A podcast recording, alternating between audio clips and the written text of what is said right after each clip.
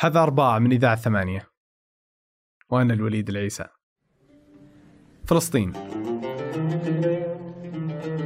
من بعد الاحتلال الصهيوني تغير الكثير بالنسبة لفلسطين من الناحية السياسية والاجتماعية وحتى الإنسانية.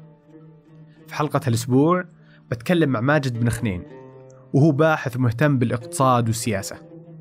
بنتكلم عن الجانب الاقتصادي من الاحتلال. وش كانت فلسطين تعتمد عليه اقتصاديا قبل؟ وش وكيف تغير بعد الاحتلال والحلول الموجودة اليوم؟ طبعا كانت الزراعة يعني بشكل كبير يعني هي الأساسية. وكان في أيضا صناعات أخرى مثل الصابون والقطن مثلها مثل مصر مثلا يعني اللي كانت مشهورة بالقطن. وكان في تصدير حتى لأوروبا يعني. وهذه لها دافع تاريخي أو لها يعني جذور تاريخية لأنه هذا التصدير كان يصير من قبل.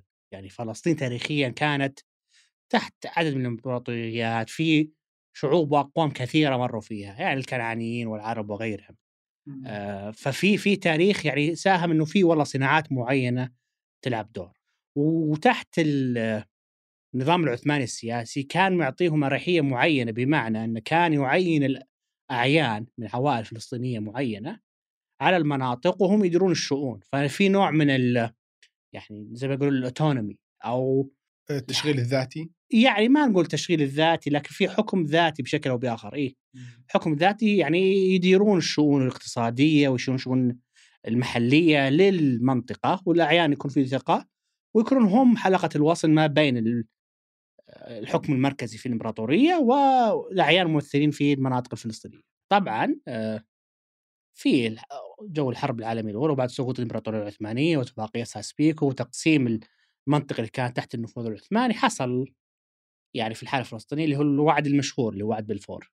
آه وعد مهم يعني هو ليس نصا أو وثيقة يعني تعاد وتكرر في المناهج بلا معنى لا هو أهميته على قصرى انه محدد طبيعة الحقوق الموجودة في فلسطين التاريخية. آه آه بمعنى لما نرجع للنص لوعد بلفور نرى أنه معطي أول شيء وطن اليهود وليس دولة.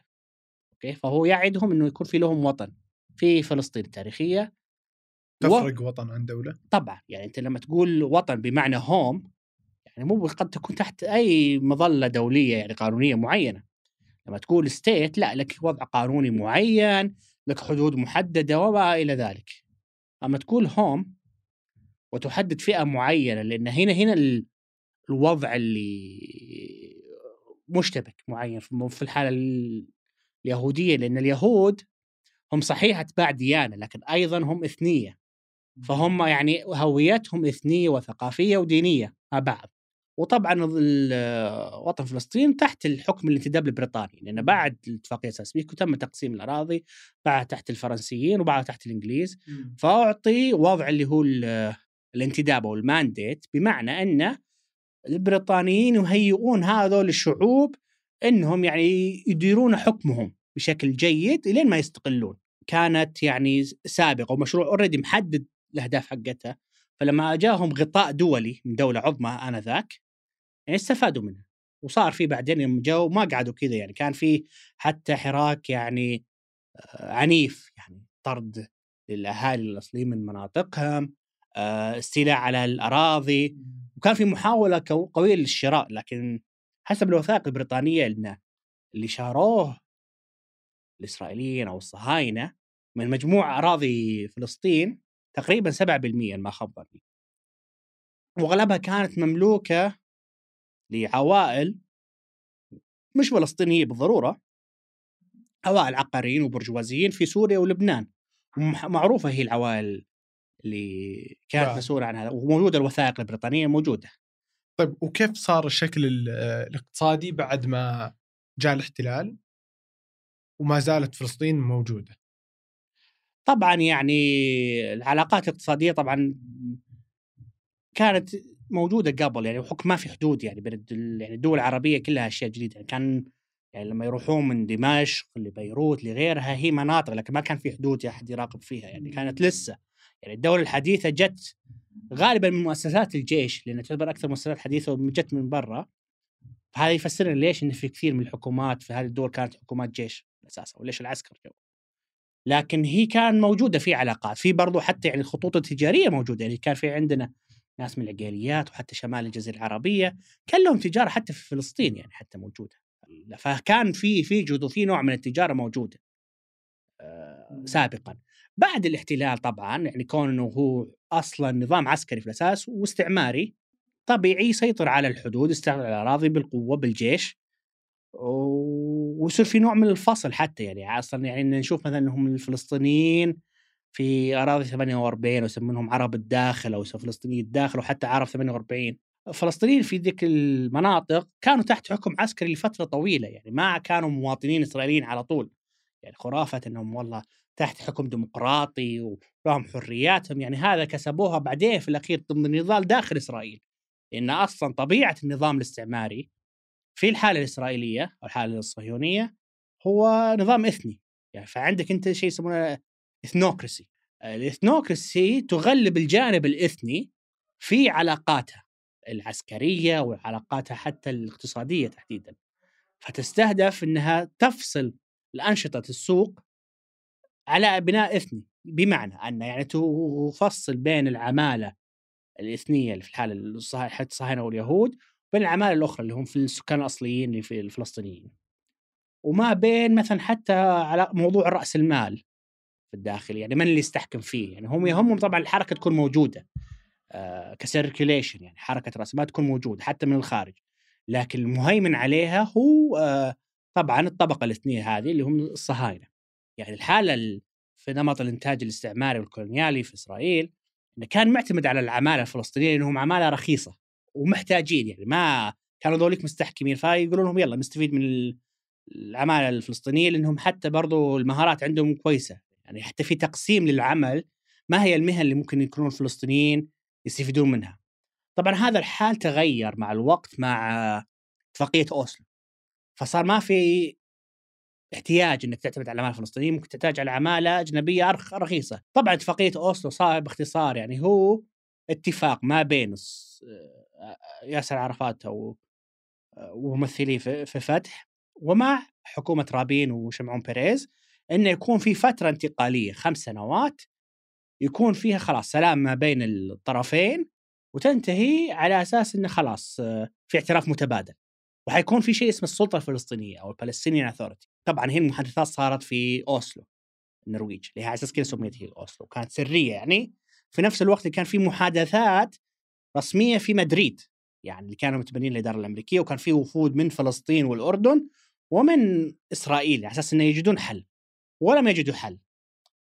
وكانوا ممثلين وفد مدريد يعني الفلسطينيين بعد ما أعلنت أوسلو قالوا ما تم الاتفاق عليه في اوسلو هو لب الأساس اللي كان نختلف فيه مع الوفد الإسرائيلي قضايا الحدود قضايا حق العودة للاجئين قضايا قضية الدولة الفلسطينية آه، المصادر مثل الكهرباء والماء كل هذه الأشياء اللي هي أصلا أساس في الصراع أجلت للمرحلة الأخيرة من المفاوضات.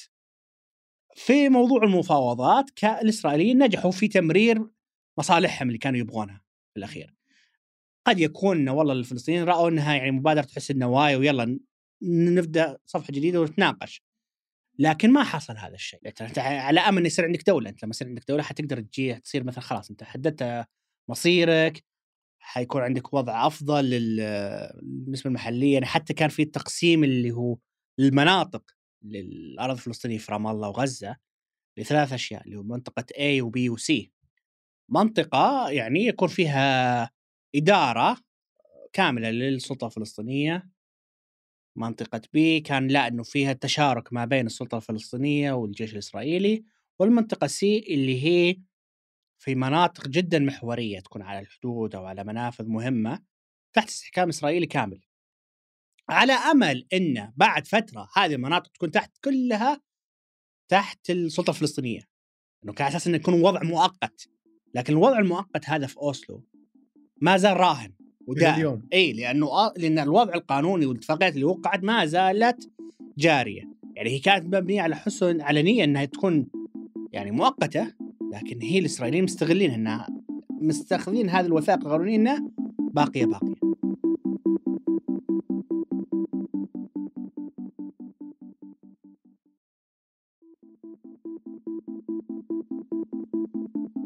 رجوعا لأوسلو آه منح الفلسطينيين إيش؟ يعني لا برضه نقول وش منحهم إنه والله يسوون مناهجهم آه الأشياء البلدية يسوون انتخابات بلدية بكيفهم آه بس ما يحددون تقرير مصير ما يحددون دولتهم ان إحنا لنا تقرير مصيرنا وكل هذا يعني سلبها منها وال, وال حق العودة للاجئين ما هو موجود يعني كل الفلسطينيين في الخارج هذول الخمسة مليون أو أكثر ما لهم حق إنهم يرجعون يعني خلاص آه يعني هو إطار قانوني وتفاوضي أبقى الإطار هذا الاستعماري حيا باقي ويلعبون فيه لأن حتى الأموال الخارجية اللي تجي للسلطة الفلسطينية سواء إنه في صندوق آه، يعني حتى أحد الأخوة ذكرني فيه إنه في صندوق أصلا لجامعة الدول العربيه مخصص لفلسطين يروح جزء منه للسلطة الفلسطينية الخزينة الدولة الفلسطينية أساسا يعني تساعدهم. لكن آه، طبعا هذا الشيء كلها يمر ضمن القنوات الإسرائيلية إنه في أصلا كوميتي أو لجنة معينة مسؤولة عن الأموال اللي تجي من الخارج مسؤولة عن جمع الضرائب وما غيرها. يعني يعني يعني هم مستحكمين على الموضوع المالي. يعني واعطى إسرائيل حتى يعني آه، نوع من الأفضلية اقتصاديا. انه بمجرد هذه الاتفاقية دخلت رؤوس أموال كثيرة سواء من الصين والهند يعني بدات تدخل زيادة يعني يعني أعطوهم نوع من من الشرعية يعني في في السوق العالمي واستفادوا من موضوع هذا النظام المعولم إنه يدخل رأس مال كثير لهم. في جانب آخر أيضا على موضوع البنى التحتية، ما أتكلم عن البنى التحتية ككهرب وماء لكن في بنى تحتية بنوها أو بنوا واقع يعني على على على الأرض. وهو إنه استفادوا من هذه المعونات اللي كانت تجي للفلسطينيين إنه هنا هنا المهم في موضوع المعونات. هي ما هي معونات بس تجي تساعد الفلسطينيين لا هي معونات غير تدخل عند الاسرائيليين المشاريع اللي تدخل يعني مشاريع بنى تحتية كطرق وغيرها تصاغ بطريقة إنها تخدم الإسرائيليين. يعني هم بنوا شبكة طرق وشبكة شوارع. يعني أنت لما تشوفها فعلا في في في طريق يمشون منها الفلسطينيين وفي طريق يمشون منها الإسرائيليين طرق تسهل التوسع في الاستيطان مثلا هذا برضو نقطة ما ذكرناها موضوع المستوطنات أجل للحل الأخير في موضوع أوسلو. يعني هو أساسي يعني هو بعد قاعد يتوسع إلى اللحظة. فإسرائيل صحيح هو كيان استعماري وغيره لكن لم يكن في الأساس نظام فصل عنصري كأبرثايد يعني.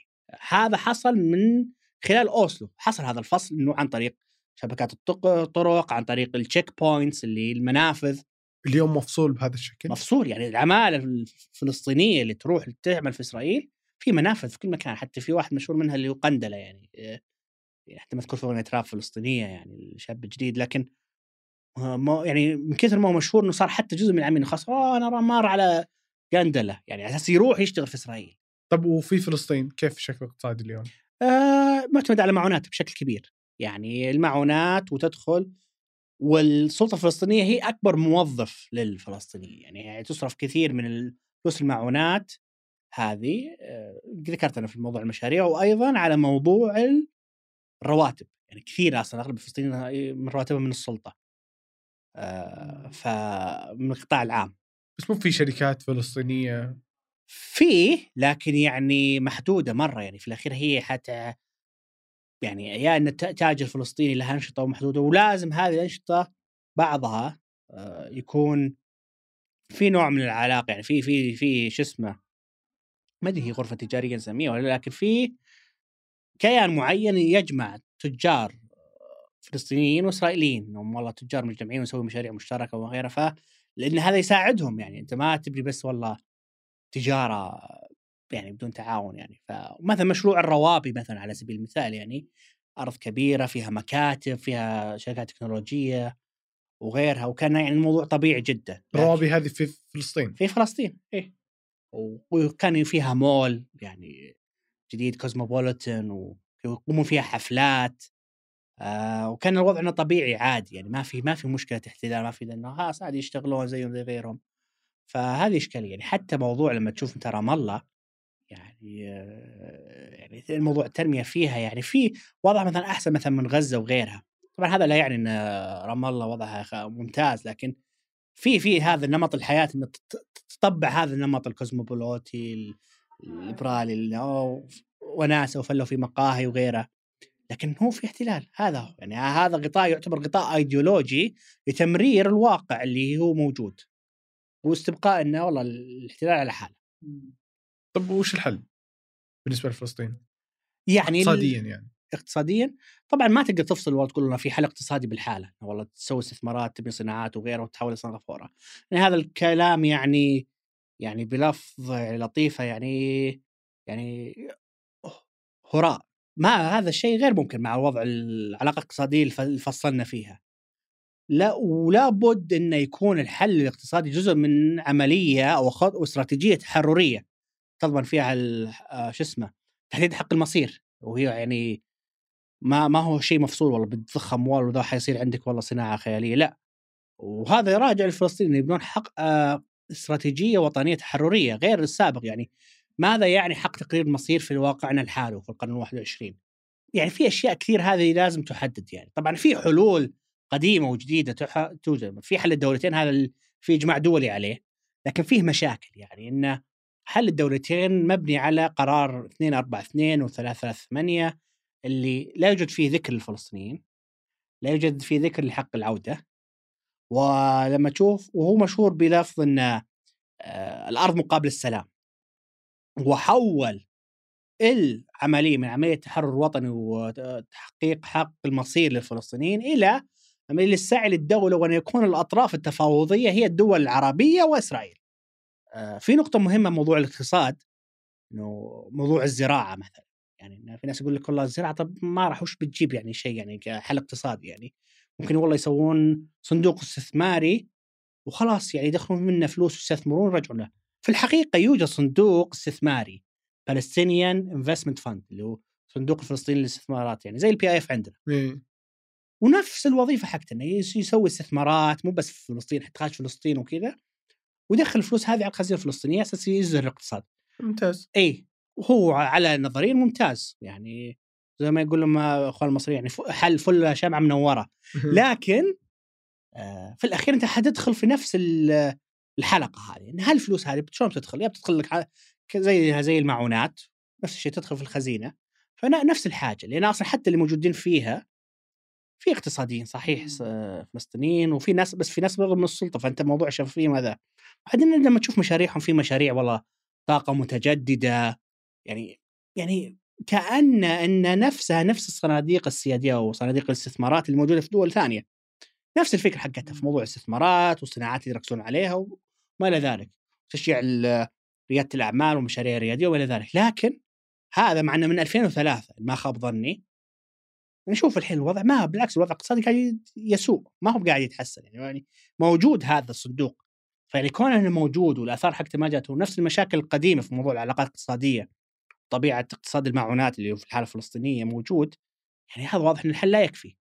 أهمية الزراعة ما هي في إنها المردود الاقتصادي حقها من ناحية آه، ربح وخسارة. ما أهميتها إن لها طابع تحرري لأنها مربوطة بالأرض مربوطة بالفلاحين. فهنا أهمية الاقتصاد لها بعد تاريخي لها بعد تحرري ولها برضه برضه اقتصاد إنه يربط الناس بالأرض. يعني الزيتون أهميته انه تاريخ وبرضه علامة سلام زي زي النخل عندنا يعني يعني مثلا له قيمة ثقافية وتاريخيه إيه يعني وعلاقة. يعني زي التمر عندنا زي النخلة. هي مو بس والله إنها أساسية يعني أنت لما تشوف مثلا في نجدة وغيرها مثلا والله كثير إنه كان عندهم مزارعهم عندهم تمرهم ذا. فأهميتها هي لها تاريخية أهميتها إنها لها رمزية إنها سلام لها رمزية إنها والله الناس متشبتين في أرضهم في أجدادهم في تاريخهم. هذه هي رمزية الشيء مثلا زي الزيتون مثلا أو حتى الزراعة حتى. هنا هنا الرمزية حقتها إنه يعني هي سبيل تحرري. يعني يعني هذا النظر إنه أي حل يجب أن يكون حلا تحرريا وليس فقط بما فيه الحل الاقتصادي. ليس حل اقتصادي بدون نظر إنه فيه نبغى حقوقنا نبغى دولتنا نبغى نحق يعني نوصل لحق تقرير المصير يعطيك العافية ماجد العفو حياتي الله يسعدك. شرفنا موعدنا الأربعاء.